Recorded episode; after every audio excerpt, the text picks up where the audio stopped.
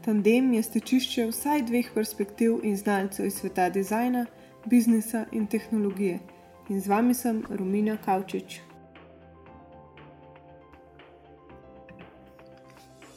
O kulturi podjetja se ogromno pogovarjamo, pa vendar veliko podjetij dobrih praks ne uporablja.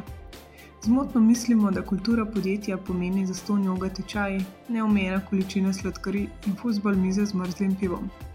Resnica pa je, da kultura pomeni, zakaj se podjetje zauzema, kako ravna z zaposlenimi in ostalimi partnerji.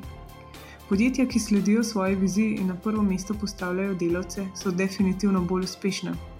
Zato vse več podjetij ugotavlja, da kultura ni samo zaželjena, ampak nujni sestavni del podjetja. Kako pridobiti in zadržati dober kader, kako ustvariti kulturo, kako vzpostaviti transparentno komunikacijo in nagrajevanje, pa sem se pogovarjala z Mihom in Vanjo. Vanja Flis je bila šest let vodja kadrovske službe v podjetju Ekipa 2, podružnici Outfit 7. Pred kratkim je odprla svoje podjetje Verity za poslovno svetovanje in izobraževanje. Podjetjem pomaga na področju kadrovskih storitev in procesov, izpeljavo psiholoških testiranj, delavnic, ki pomagajo pri komunikaciji, timskem delu, vodenju, zaposlovanju in boljšemu sodelovanju v ekipah. Navdušujejo jo ljudje, ekipe in iskrice v očeh posameznikov, ki sledijo svojim sanjam. Miha Breskvar pa je partner v podjetju Frodix. Je licenciran projektni vodja, izkušen v SAS in mobilnih storitvah. V Frodix se ukvarjajo z digitalno transformacijo. Podjetjem pomagajo spostaviti modele prodaje in uvesti mehanizme za uspešen produktni razvoj in operativno poslovanje. V prostem času je navdušen jedralec. Najprej lepo pozdravljena. Pa bomo začeli kar s prvim vprašanjem in sicer, kako naj se podjetje loti iskanja talentov. Pa mogoče ti začneš. Um, meni se zdi bistveno, da podjetje ve točno, kaj išče. Torej, odvisno, kakšne talente zdaj um, hoče najti. Ali so to neke ekspertne pozicije, ali so to v bistvu študenti. Um, tako da ključna naloga najprej podjetja je to, da sploh razmisli, kateri kader jim primankuje, kaj v bistvu bo ta kader pokril in se pol preko tega lotijo, ker kanalov različnih, kako iskati te kadre, pol je pogromno. Od raznih socialnih medijev, LinkedIn-a do agencij in vsega. Mhm. A pa je pomembno, recimo, ne, če iščete programerja, boste šli točen na določene socialne mreže in ne boste recimo objavili splošno kar na Facebooku. Um, eno je to, da se objavlja ponovadi glase na spletni strani podjetja. Mhm. Um, in se potem tudi, recimo, lahko zaposlene prosim, da to delijo na različnih forum, forumih um, in tako naprej. Drugo pa je tudi, recimo, Slovenija je predvsem majhna in se ljudje predvsem poznajo med sabo, vejo tudi, um, kdo zna kaj. In je fino tudi, da se zaposleni med sabo angažirajo, recimo tiste ljudi, ki poznajo, da jih um, nekako popingajo, pa vprašajo, če bi bili pripravljeni delati za to podjetje. Uh mhm. -huh. Kaj pa prvo, kaj v bistvu imate, zaenkrat imate 25 zaposlenih, torej ste manjše do srednje podjetje? Ja, ravno to na način, na kakšen eh, pridemo do novih kadrov ali pa kanal. Pri nas se je nekako najbolj izkazalo, pa najbolj obnesli to, da um, obstoječi zaposleni um, prepeljajo neke poznane ljudi. Eh, meni se zdi to iz dveh, dveh um, strani pomembno. Eno je, da nekdo, ki je pri nas zaposlen, pa je pripravljen ga prijatelja sabo pripeljati, je to za nas en dokaz, da je on dovolj zadovoljen, da mu je okolje všeč in da je pripravljen tako sebe kot prijatelja izpostaviti. In po drugi strani pač pripelje nekoga, za koga verjame, da je dosto uredno. Tako da pri nas večina zaposlenih, trenutno zaposlenih, je tako, da so prišli po nekem takem osebnem kontaktu. No. Je, kar je v bistvu super iz vidika strategije, pa pač, da ne zaposlujete iz nekega obupa, kar po mojem se kasneje pokaže za slabo. Je ja, to mogoče tako, kot si čist na začetku, ker, um, ker nas je enkrat 25, je dosta enostavno. Mm, nek obseg balansirati. Ne? Tako, pač dobimo nek projekt, nov, še zmeraj med 25 ljudi ga razdeliš, ampak ko smo pa tri, recimo, pa je pet ljudi, uh, pa pri velikem projektu rabiš imeti zelo hitrega novega človeka, pa tri nove ljudi, recimo. takrat si malo bolj v obupu. Jaz mislim, da večje podjetje, ko je, manj imaš tega obupa, bolj lahko se sistematično ali pa um, vnaprej lotevaš iskanja kadrov. Um, ki si pa majhen, bo to mogoče malo težje. No. Tako so bile naše izkušnje zdaj. Ja, sam, naprimer, ko ste bili v obupu, pod narekovaj, verjetno niste eh, zaposlili nekoga, ki mogoče manj zna, ampak ste šli verjetno na znanje ali ste dali vse en prednost osebnosti. Mm, zdaj, ko nazaj gledam, se mi zdi, da smo imeli veliko sreče pri tistih prvih kadrih, ki so prišli. Pač iskali smo zelo po občutku, ne, ne sistematično ali pa z nekimi mehanizmi, v metodologijo, pa pristopi, ampak um, zelo po občutku pač nekoga, ki je bil takrat fit, predvsem tako, da je lahko neke kompetence pokril, ki smo jih v tistem trenutku rabili. Danes se tega lotevamo že eh, malo bolj proaktivno, ali pa z več razmisleka, ali pa um, tako vnaprej, kot sem prej rekel. No. A pa uporabljate mogoče kakšno tehnologijo, recimo, vem, če se jaz danes prijavim na nek razgovor oziroma na določeno mesto, da me lahko kasneje tudi kontaktirate, ali je to samo neka baza, nek list Ja, mislim, imamo mi nek obrazec, ne? tudi med eh, tem, kjer je ekipa upisana. Imamo, če se nam želiš pridružiti, pa pusti svoj kontakt. Vse te um, kontakte, kot interes, um, zelo resno jemljemo. Ne? Ni rečeno, da je nekdo fit danes, ali pa da potrebujemo nek ta kader danes, lahko ga čez pol leta, ampak takrat, ko nekoga novega iščemo, gremo čez, um, čez ta spisek. V bistvu to tudi zelo stimuliramo, ne samo ta kontaktni obrazec na strani, ampak mi se relativno veliko pojavljamo na kakšnih dogodkih, ki so vsebinsko povezani z našim delom. Tudi um, na kakšnih fakultetah, recimo, nekaj, ker ne vidimo glih priložnost, da bomo nekaj prodali, ampak da mogoče širimo to, kar delamo, da malo ali tudi osveščamo. Tako pridemo v stik s takimi, ki so lahko potencijalni kadri in tam se zmeraj spodbujamo en kontakt ali pa pravimo vzpostaviti en kontakt. In te kontakti pol probamo, ko iščemo nekega novega človeka, um, ta prvo, ta prvo z njimi se pogovarjati. Uh -huh. A pa imate drugačne pristope, recimo za generacijo XY oziroma za mlajše, um, kot recimo za starejše oziroma bolj senior pozicije? Mogoče je edina razlika med um, bolj senior pozicijami ponovadi niso tako aktivni na socialnih omrežjih, tudi ne spremljajo toliko, um, recimo, ne spremljajo toliko tudi um, oglasnih, um, oglasnih spletnih strani, kjer uh, posamezna podjetja oglašujejo pač še prosta delovna mesta. In je za njih mogoče pristop malo drugačen, ker moš nekako osebno priti do njih. Zdaj, kot smo se prej pogovarjali, mogoče najboljši način je prek osebnih poznanstv. Um, ker dejstvo je, da mlajši več spremljajo, kot recimo prosta delovna mesta, različna podjetja v Sloveniji in v tujini, ki jih v bistvu zanimajo. Senior pozicija ali pa senior kadri, pa niti ne toliko, ker nekako se najdejo pač v nekem podjetju, tam ostanejo in jim je super in jih moš pa nekako najdete. Ja, ne razmišljajo o menjavah. Ja. V bistvu manj kot mladi. Tako je. Kaj pa menite o psihološkem testiranju, oziroma se tega sploh poslužujete, ali imate kakšne drugačne strategije, oziroma te selekcijske procese? Mi nimamo psihološkega testiranja, sej, uh, mislim, da smo še tako majhni, da nimamo nekega um, resnega sistema za, za poslovanje, tudi vzpostavljenega, te neke resne metodologije. Uh, je veliko po občutku. Ampak um, to, kar se pa zdaj zelo resno lotevamo, je pa, da um, se nekako sistematično lotevamo kulture v podjetju. In um, radi bi vzpostavili tak zelo transparenten sistem vrednot, pa tudi ciljev, in potem kako te cilje dosegati, to komunicirati tudi z vsemi obstoječimi zaposlenimi. Ampak cilj neke te, pa ne bom rekel transformacije, ampak nekaj tega procesa, v katerem smo, je, da dobimo pa neko metodologijo ali pa urodje, ki nam bo pomagal um, zmeriti en tak culture fit tistih um, potencijalnih kadrov. In na podlagi culture fita, pa bo, to bo pa pomemben kriterij pri zaposlovanju. No. Moje mnenje je, da psihološke testiranja so super. Um, v smislu, kot ste omenili, pač, ko podjetje začne rasti in vse to rabiš postaviti nek proces, kako zdaj najdete te ljudi, ki bojo in culture fit, ki bojo pač pasali v ekipo, ki že obstaja. In obstaja več različnih načinov, kako to dobiti. Um, eno je še vsem ta osebni pristop, da človeka spoznaš, ga povabiš na razgovor, um, povabiš na razgovor z ekipo, s katero bo sodeloval. Um, psihološka testiranja pa iz vidika motivacije posameznika, um, kakšno vedenje bo najverjetneje izražal, zelo lahko pripomorejo k temu, da ti identificiraš, ali je to nek um, posameznik, ki bo pa svoj ekipo. A pa imate za to različne teste, vem, da ga povabite za en dan v pisarno, ne vem, kako to poteka, da vidite, če je del te kulture.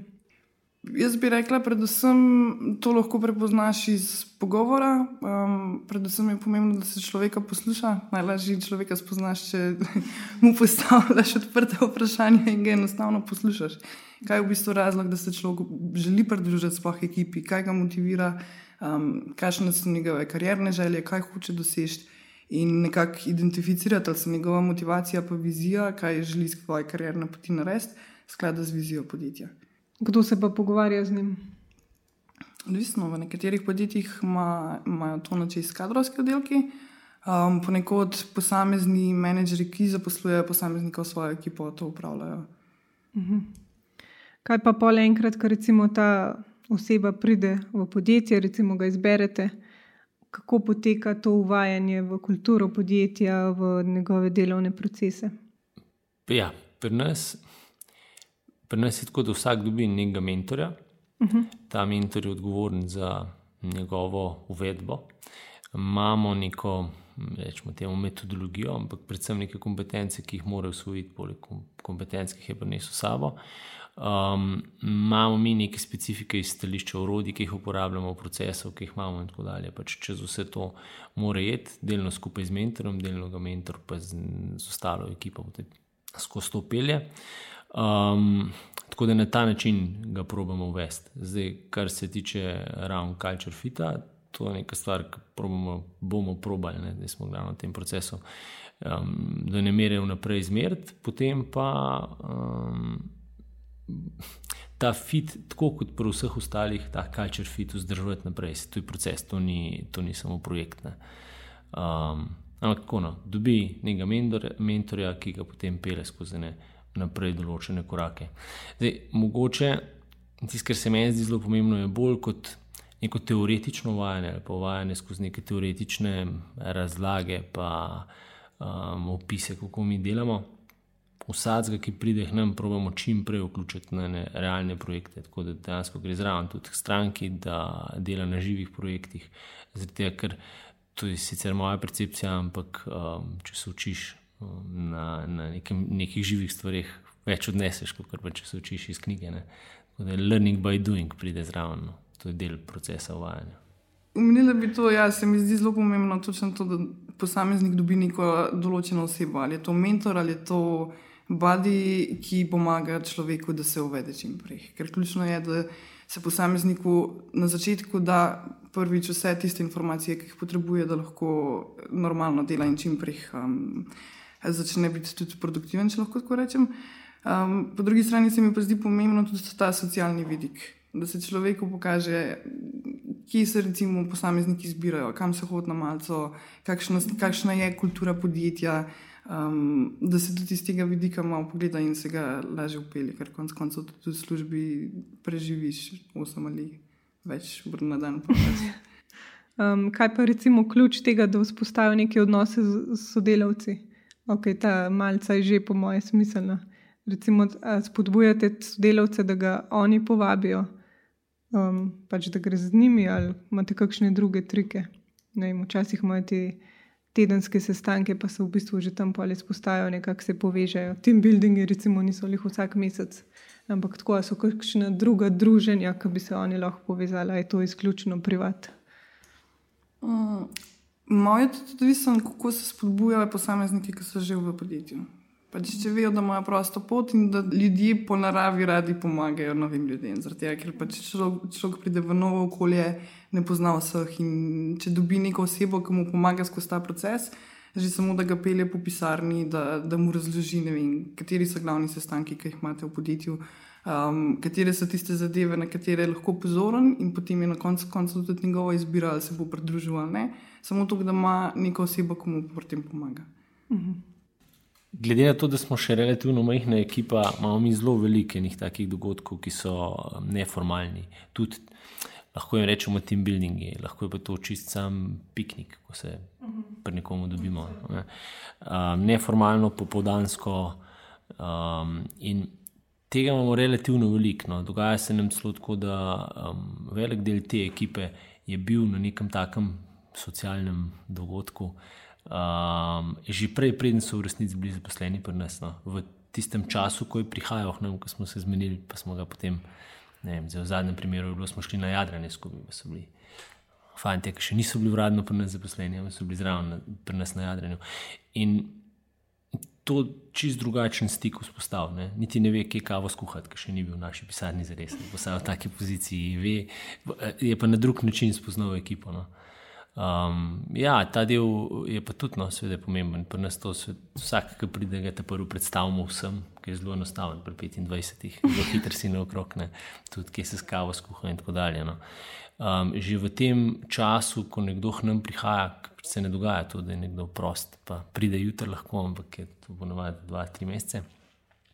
Tudi v tem času v um, kakšne aktivnosti jih vključujemo, ki pa niso čist sam neformalne, tudi mogoče malo formalne, mu damo kakšne stvari za prebrati, da lahko se že kaj nauči, če ga karkoli zanima, um, ima človeka, s katerim lahko kontaktira. Mi interno eh, zelo veliko izobraževanj organiziramo, ali pa tudi za naše stranke, pa potencijalne stranke, in potem jih povabimo, da tudi na take dogodke pridejo. Tako da eno je, da se hitreje naučijo tega posla, ki ga mi delamo, drugo je pa pridejo v stik z ekipo preden dobijo za resne naloge. No, tako da če ta stres um, menjave, mehko zmanjšamo že prej. Ja, to se strinjam. Um, pa je pa recimo tudi zelo smiselno pri, pri tradicionalnem mojčaru. Je bilo ponovadi tako, da je nek zaposlen imel problem, potem je šel do te kadrovnice, povedal in je ona anonimno šla do vem, dotične osebe, ki ima problem z njo.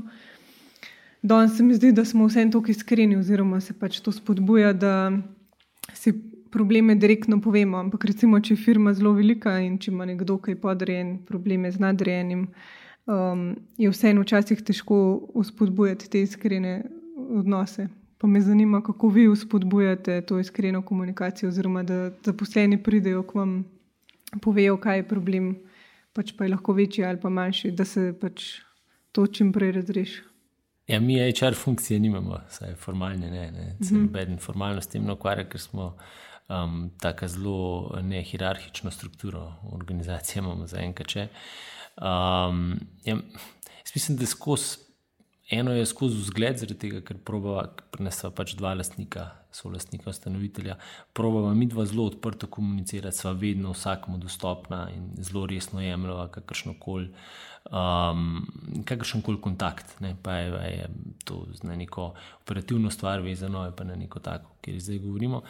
Um, tako da je vzgled na eni strani, ampak na drugi strani pa je treba zelo jasno povedati, kaj se pa ne tolerira. In pri nas ne toleriramo. Tega, da se dva ali pa tri, ne vem, za hrbto neki pogovarjajo, pa potem proti temu neki šušljajo, in tako naprej. Povejte njemu, se dobimo skupaj, se usedemo, se zmenimo.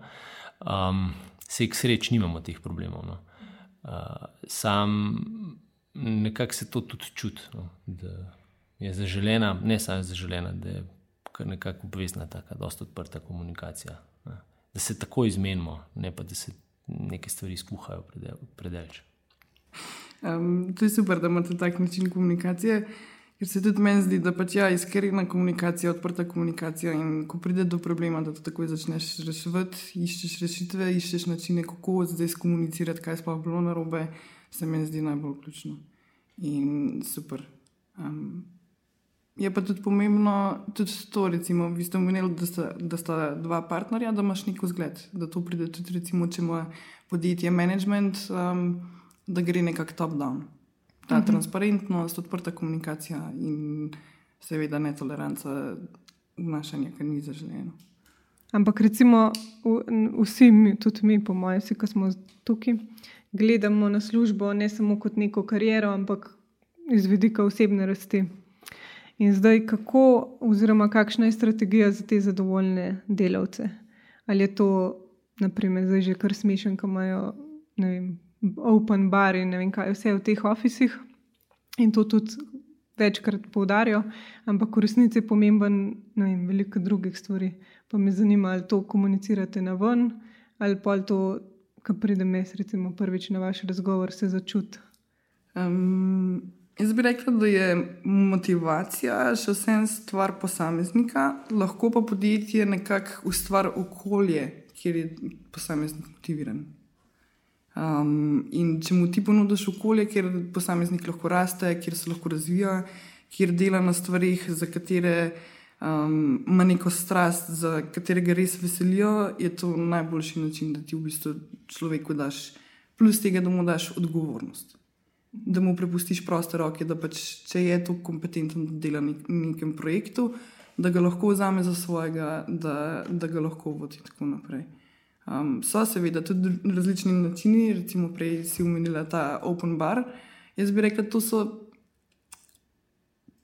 piškotki, ki jih posamezna podjetja dajo, in nič ni narobe z njimi, ne bi pa rekla, da so ključna stvar, na katero se morajo podjetja orientirati.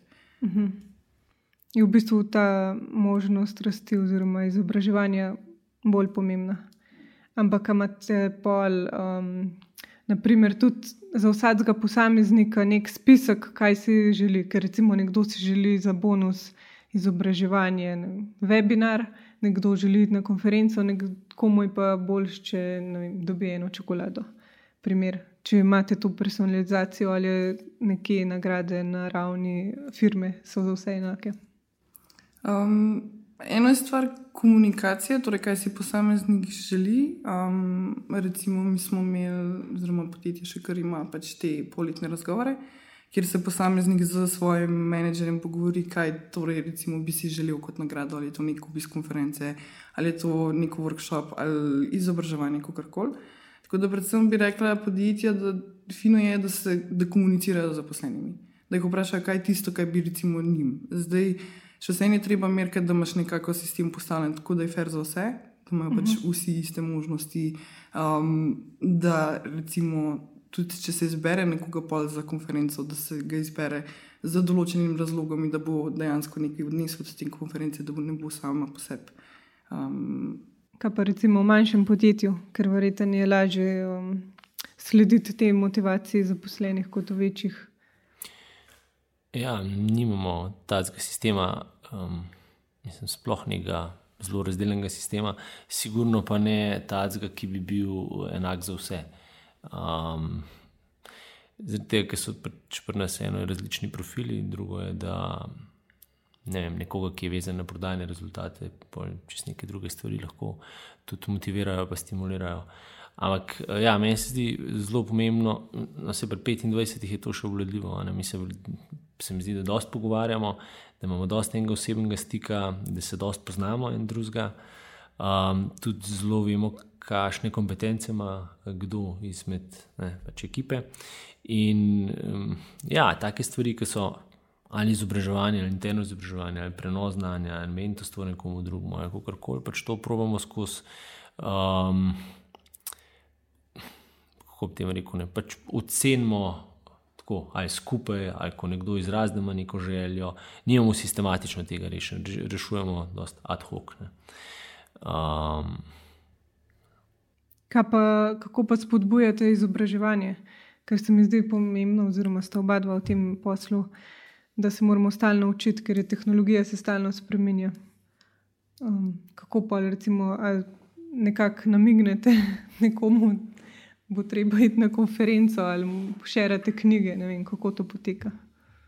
V bistvu Če človek dela tisto, kar ga veseli, se ponovadi tudi sam izobražuje, predvsem na tem področju. Tudi sam spremlja razne spletne strani, revije in vse tako. Um, tako da ni nujno, da je treba vedno strani podjetja dati nek mesec, da tole bi bilo dobro, da greš. Um, ponovadi vsaj kar imam jaz izkušen do zdaj, ponovadi ljudje zelo motivirani, da recimo um, sami raziskujejo. In, in v primeru, da imaš ti v podjetju vem, odprto komunikacijo in vse, da se počuti varen ga tudi vprašati, lahko posameznik tudi pride pa reče, da ta konferenca se mi zdi koristna za moje znanje, za moje področje dela, ali je možnost, da se jaz udeležim. Da, po drugi strani pa recimo tudi, če mentor ali pa nadrejeni zaposlen ga vidi, da ima nekdo potencial v neki smeri, kaj pa mogoče še ni razmišljal, je pa tudi potem na mentorju ali pa nadrejenemu naloga, da, da mu to predstavi in ga vpraša, ali bi te to zanimalo. Bi se ti zdelo, da ti pomaga, da, da je koristno in da bi se iz tega kaj naučil. Uh -huh. Pa recimo tudi se mi zdi ful dobr. Um, recimo nekatera podjetja imajo pobudo, da en dan v tednu, oziroma en dan na 14 dni, delajo kar hočejo. Je to vajna praksa ali mislim, da ste že kaj takega kdaj sprobali? Ne, nismo. nismo. E, mislim, vse jaz sem v tem dosti bral, ali pa če se poigral v to idejo. Zdaj, trenutno si sploh ne predstavljam, da je pač, če, to je 20% v bistvu delovnega časa, ne bi delali uh, tistih stvari, ki jih imajo pač za narediti v rednem delu.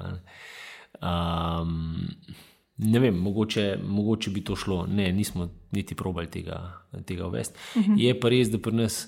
Um, imamo dost fleksibilen delovnik, rečemo temu.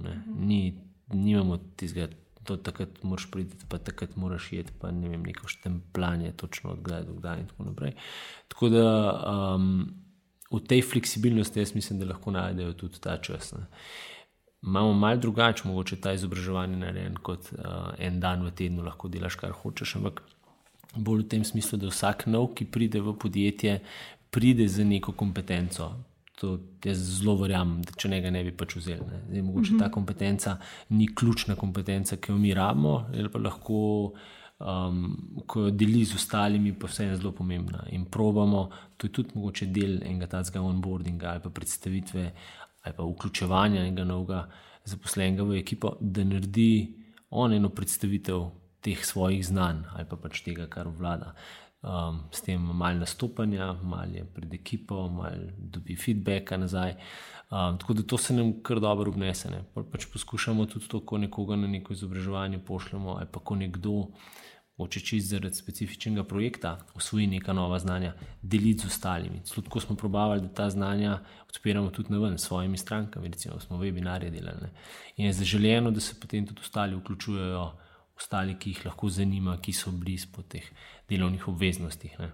Drugače imamo pa tudi nekaj urodja, rečemo temu, za komunikacijo in pravimo, ko nekdo nekaj fajn prebere, ko nekdo nekaj fajn video pogleda ali ne vem, kakršno koli tako stvar, širiti med, vs med vsemi ali pa med tistimi, ki, um, za kere misliš, da jih lahko zanima. Uh, kar pomeni, da zelo velikega tega znanja krož, pa pač vzameš si zaenkrat imamo tako narejen, da vzameš si toliko, kar si pač pripravljen investirati in tisto, kar te zanima. Mhm. Kakšne urodje pa uporabljate za komunikacijo? Um, za komunikacijo imamo Teams od Microsofta, poleg uh mhm. -huh. maila, Skype, Skype for business, telefona in tako dalje. Ampak ta bolj uh, um, tako organizirano po rečemo, temo, projektih, pa nekih skupinah, pa čet, pa, pa za neke video klice, pa to, to uporabljamo Teams.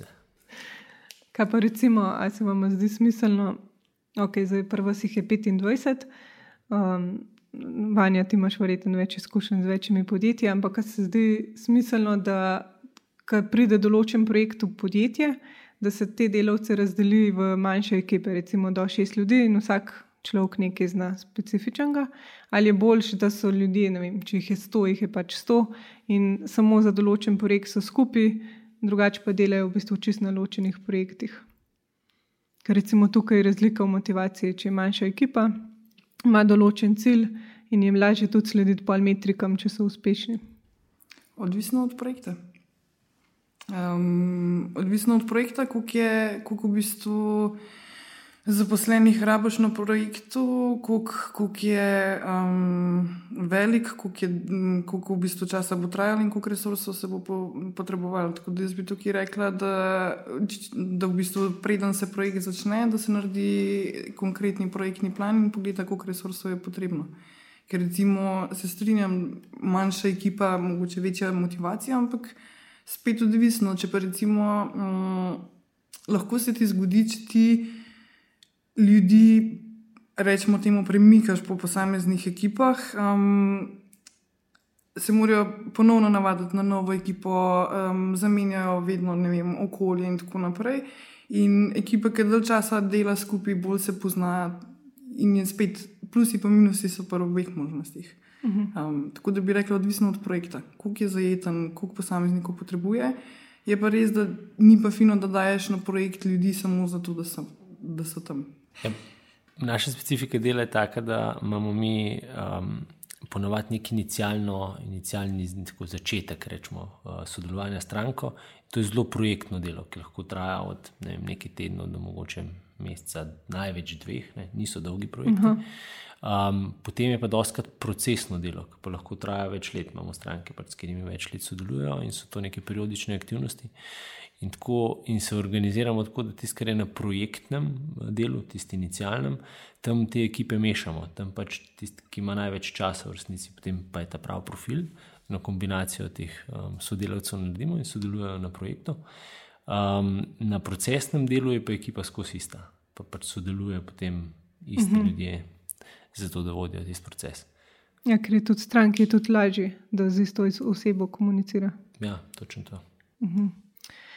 Kako pa nagrajujete zaposlene? Oziroma, kaj je sploh smisel nagrajevanja, da so bolj pripadni, da v bistvu še več delajo, da so bolj zadovoljni? Ja, jaz mislim, da je nagrajevanje v resnici en izkaz. Um, zahvale, rečemo temu, ali pa spoštovanje, ali kako koli, za neko dobro upravljeno delo, za sodelovanje, za prispevek, ki ga nekdo, ki ga nekdo da. Um, zdaj, nagrajevanje je zelo različno. Prej sem malo um, omenil tiste, ki so vezani na neke prodajne plane. Tam je nagrajevanje lahko tudi zelo enostavno, v bistvu zelo um, enostavno je en tak model vzpostaviti, ker pač ne toliko večja kot je prodaja, toliko več kot enega prispevka pri, pri prihodkih, toliko večji je, večja je lahko denarna nagrada ali pa je to kompenzacija, da ne govorimo o nagradi. Ak, um, po drugi strani so pa nagrade lahko pa nas zelo različne. Nekdo si pač želi imeti drugačen računalnik, nekdo si želi imeti telefon, nekdo želi na neko izobraževanje, nekdo želi Mm, imeti toliko več dopusta v enem paketu skupaj, ker pač ne, drugačni praksa. Vem, zelo različne stvari, ampak jih komuniciramo um, dosti individualno.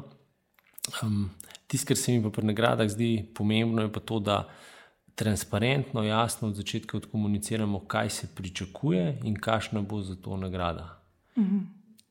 Pred čim? Pred projektom ali pred zaposlitvijo?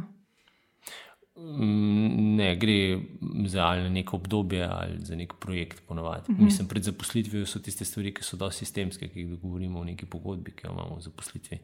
Ampak um, jaz mislim, da večina nagrad pri nas so relativno majhne in ali pa mogoče bolj ne vem, na neke druge primere vezane.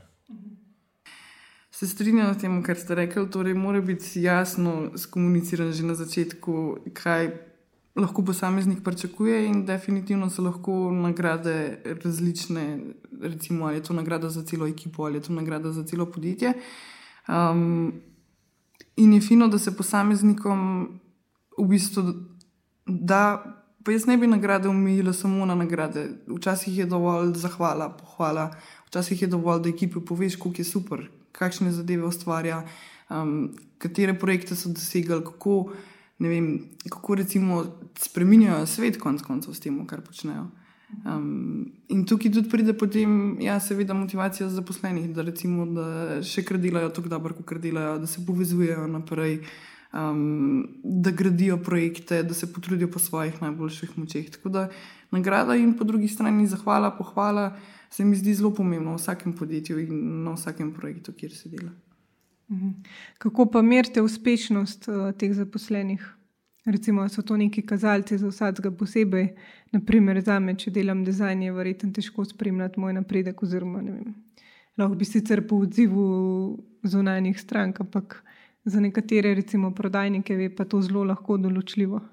Pa v bistvu, če se sistematično pripravi za vsakega posameznika, recimo plan, prej sem že malo omenjala, recimo, če imajo podjetja upeljana um, teleperformance revije oziroma letne razgovore, kjer se pogovoriš s posameznikom, kaj recimo bo plan za tega, za tega zaposlenega za vem, nadaljne pol leta, eno leto, tri mesece, odvisno od podjetja, kako si zastav. Um, lahko dosti konkretiziraš, kaj v bistvu v tem časovnem obdobju posameznik lahko nadgradi, izboljša um, spremeni, katere projekte naj bi dokončal, in lahko potem že malo spremljaš v bistvu tudi mhm. uspešnost. Mm -hmm. Ali so bili zdaj projekti dobro zaključeni, ali recimo tudi če delaš na dizajnu, um, kakšna je kvaliteta tvojega dizajna.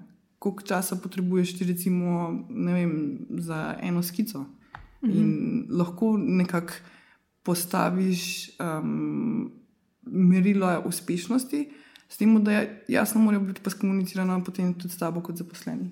Mhm. Da se zavedaš, kaj pač so ta merila in na, na podlagi česa se bo uspešnost potem ocenjevala. In to pa v bistvu nadrejeni komunicira naprej. Moj nadrejeni, ker verjetno jih je več, sploh v večjih podjetjih.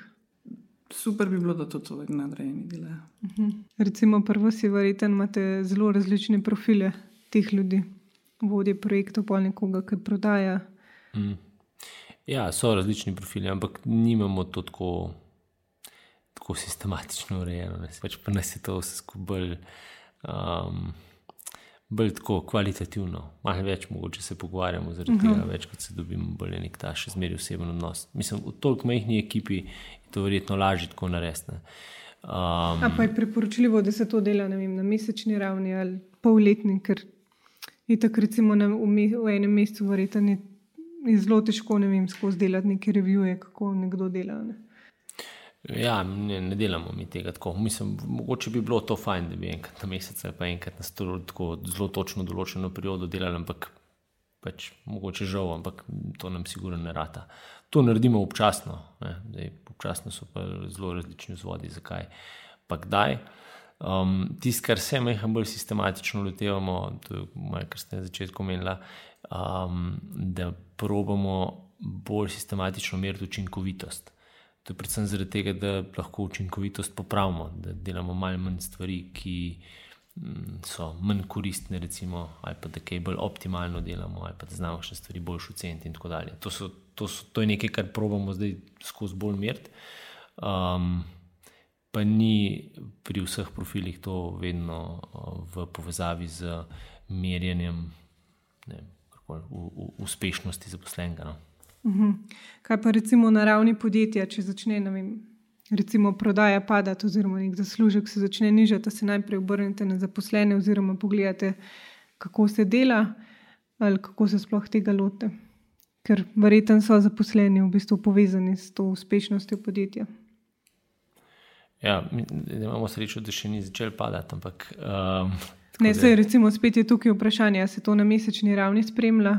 Ja. Ja, seveda, na mesečni ravni se spremlja. Ja. Na mesečni, pa na kvartalni, pa na letni, tako da tam zelo probujemo držati prst na žili, pa mer tu trip, um, da, da kaj ne uide. E, Sveda je to z zaposlenimi povezano, ampak jaz mislim, da bolj kot to, da moramo stiskati enega prodajnika, da mora več prodati. Um, moja teorija je, da sploh v dejavnosti, kjer smo mi, ki je zelo storitvena, ki imamo zelo veliko osebnega odnosa tudi s strankami, so zaposleni ključni in um, njihov odnos s stranko, način, na kjer ga delajo, pa rezultati, ki jih mi stranki prenašamo. To so podlaga za to, da lahko pač strankami na dolgi rok delamo, ne, da lahko tem strankam delamo še kaj drugega, še kaj, še kakšno korist prenesemo. In uh, to so tudi neke reference, da dobimo nove stranke. Ne. Tako, na ta način se mi do zdaj skozi širimo. Tako da, kar se mene tiče, ta prvo, um, ta prvo se trudimo delati dobro za zaposlene, da se oni dobro počutijo, da so oni v enem takem okolju, kjer jim je fajn in ker jim je fajn, pol radi delajo tudi strankami, delajo za nje dobro, pa pol upamo, da ne bomo imeli negativnega trenda. Širijo pozitivno energijo. Ja. ja. Recimo v večjih podjetjih je pa ta cikl, po mojem, kar daljši, da se ugotovi, da ne vem, če gre nekaj slabše. Ne morete kar ugotoviti, če v enem mesecu lahko bi, no, ampak je verjetno več faktorjev, ki vplivajo na to. Jaz nimam izkušnje s tem. Nimam izkušnje s tem, tega, ker ni, ni bilo na tak način. Recimo, tudi jaz v kadrovski, kot sem bila, recimo. Um, Prvič nismo imeli izkušnje, da bi nam prihodki začeli tako padati, da bi, da bi bila kakršna koli panika, ki bi jo potem zaposleni čutili. Uh mhm. -huh. In lahko samo rečem, da ja, način, mislim, da je tukaj isti, um, kot ste ga vi umenili. Torej, ja, da se najprej pač. Da se ne gre stiskati enega posameznika tam nekje, ampak se pogleda, kako lahko zaposlenim omogočiš, da pač delajo najbolj, kar lahko. In pogledaš po drugi strani, kako bi se lahko um, najdeš te druge kanale, kako stranki lahko še pomagajo, da so kakšne dodatne storitve, ki jih lahko preneseš in tako naprej. Uh mhm. -huh. Kaj pa recimo takrat, ko se zgodijo odpuščanja, to skomunicirate, preden odpustite koga, še ostalim, pa ga pol odpustite, ali je to pol, recimo, ko se odpusti en, dva, imate kakšen sestanek z ekipo, da oni razumejo, kaj se v podjetju dogaja, oziroma naštejete razloge, zakaj se je to zgodilo. Ker meni se zdi to pomembno, da se ne vzpostavlja pa neka slaba energija, da bi ostali pol delali slabše. Ja, spet smo pri komunikaciji, pri, pri transparenci. Ker še sem kot posameznik v podjetju, ali zdaj v vlogi kadrovnika, ali lastnika podjetja, kako koli, je tudi ena izmed nalog to, da se ljudje počutijo varne. In meni se zdi najboljši način, da ja, se skomunicira, kaj so razlogi, um, ker tudi razlogi niso vedno na strani podjetja, da posameznik podjetje. Včasih se posamezniki sami odločijo za to, in ko ljudje razumejo razloge zadnji je precej lažje in v bistvu tudi zgubiš ta moment, da bi se ustvarjale neke um, zgodbice, domnevanja in tako naprej. Mm. Ja, pa panika. Ja. Ja, meni se zdi, da je ključen problem tam, ker so neki odpuščeni zaradi poslovnih razlogov, ki bi sicer ti te ljudi, kadre obdržal, pa jih ne moreš. In um, to, ne glede na to, kako komuniciraš, pač nekoga iztrgaš iz te ekipe. Um, in povzroča to neko negativno klimo, tudi strah povzroča pri ostalih. Mislim, jaz, mi imamo srečo, da pač teh problemov nimamo. Um, takrat, kader pa pride, da pač si želiš, da nekdo gre, um, ali pa take situacije, ki sicer tudi zelo dolgo nismo imeli, ne, ampak ko smo si želeli, da kdo gre so bili razlogi taki, da pač je moteč faktor, da enostavno ali ni mm, sposoben te svoje funkcije upravljati, ali pa po drugi strani, da je moteč za celo ekipo, ne dela dobro z ekipo, ne sodeluje z ekipo. Ampak to pa pomeni, da ga ekipa že prej identificira, pa ga ekipa v bistvu sama že po sebi izloči. Tam pa ni treba mhm. toliko tega komunicirati. Se ne, da ni nujno, ne? ampak um, to že zelo čutijo. Ne? Um, smo pa imeli tudi srečo, da v bistvu nismo, nismo odpuščali, ampak nekako smo pa videli, da nismo za skupaj, pa smo šli na razno. No. Tako da je mehen drugače, pa je tudi termin. ja, to je v redu. Um, zdaj me pa zanima še, da trend je zelo, da se dela remote, oziroma da delajo zaposleni v doma. Pa me zanima, imate kakšne izkušnje s tem, je to smiselno, recimo, če pol ekipe dela v pisarni, pol ekipe dela doma, kakšno je, ta, um, kakšno je sodelovanje. Ja, mislim, narava našega posla je taka, da bi lahko tako rekoč vsi zaposleni um, delali. Mislim, ne bi rabi skupaj delati, delali od kjerkoli. Um, in se je izkazalo, da smo imeli kakšnega zunanjega sodelavca ali pa da je kdo zaradi različnih razlogov pol dela doma, pa od začetka, sploh, ki smo ga zaposlili. Um, ni problem pri tem, kaj naredi. Torej, delivery je lahko čisto ok. Ampak pri tem, kako ga pa ekipa sprejme, to so pa naše izkušnje take, da pač, če si zraven, polje en kup enih neformalnih stvari, od tega, da grejo skupaj na kavo, da grejo skupaj na kosilo, da tudi na cigaret, recimo, imamo open space, tam pač slišiš stvari, ki nekdo na telefonu, ki nekdo stranko, čutiš zadovoljstvo in nezadovoljstvo, in uspehe in neuspehe. In te ekipa drugače sprejme. Tako da za ta del, jaz vsakmu rečem, vse ni nujno, da vsak dan priješ, ni nujno, da si 8 ur pr, um, v pisarni, ampak um, večkrat, ko boš prišel, več, ko boš z ekipo, bolj te bo ekipa sprejela, lažje boš funkcioniral, bolj boste vsi učinkoviti. Ja. Tako da to se pri nas se boljš izkaže kljub možnosti, ne, zaradi narave dela, um, da če so skupaj, so bolj funkcioniramo. No. Uh mhm. -huh. Se strinjam, da je predvsej lažje za, za ekipo, da v bistvu zaživi skupaj, da bolj funkcionira, če se na kupu. Ja. To je dejstvo. Um, je pa tudi res, da obstajajo podjetja, ki imajo recimo podružnice v tujini in tako naprej. In smiselno za podjetja, ki imajo take zadeve, je, da recimo tudi posamezne remote lokacije, kot so, da jih vključijo čim bolj v, v svoje procese.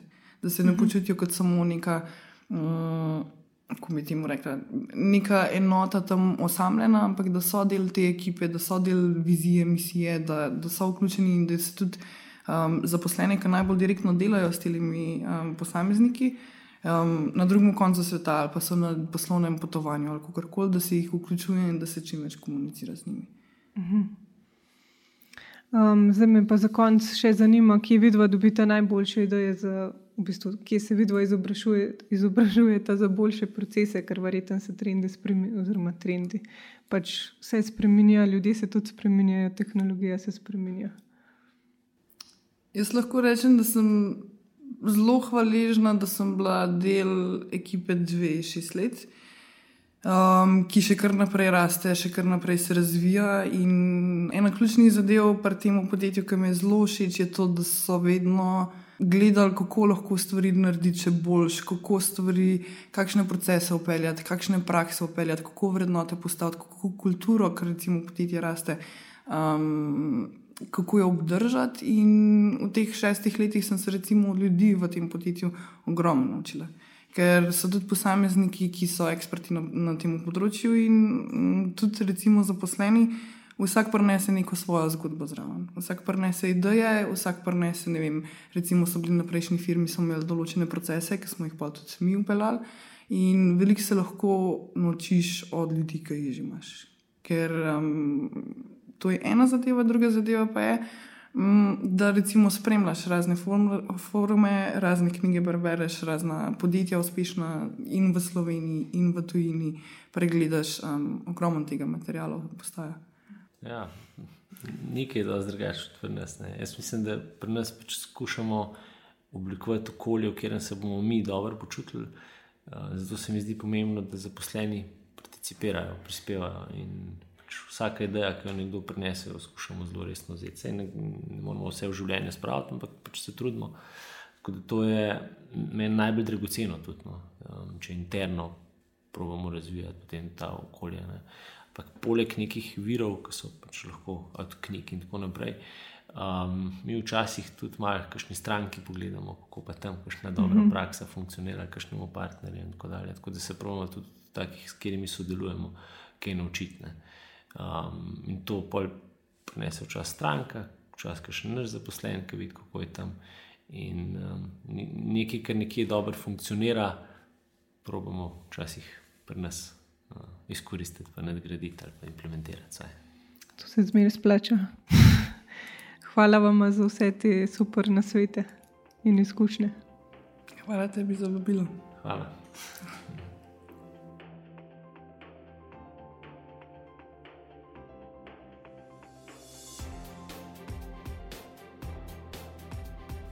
Tandem lahko spremljate na Twitterju, Instagramu in Facebooku pod Poslušaj Tandem.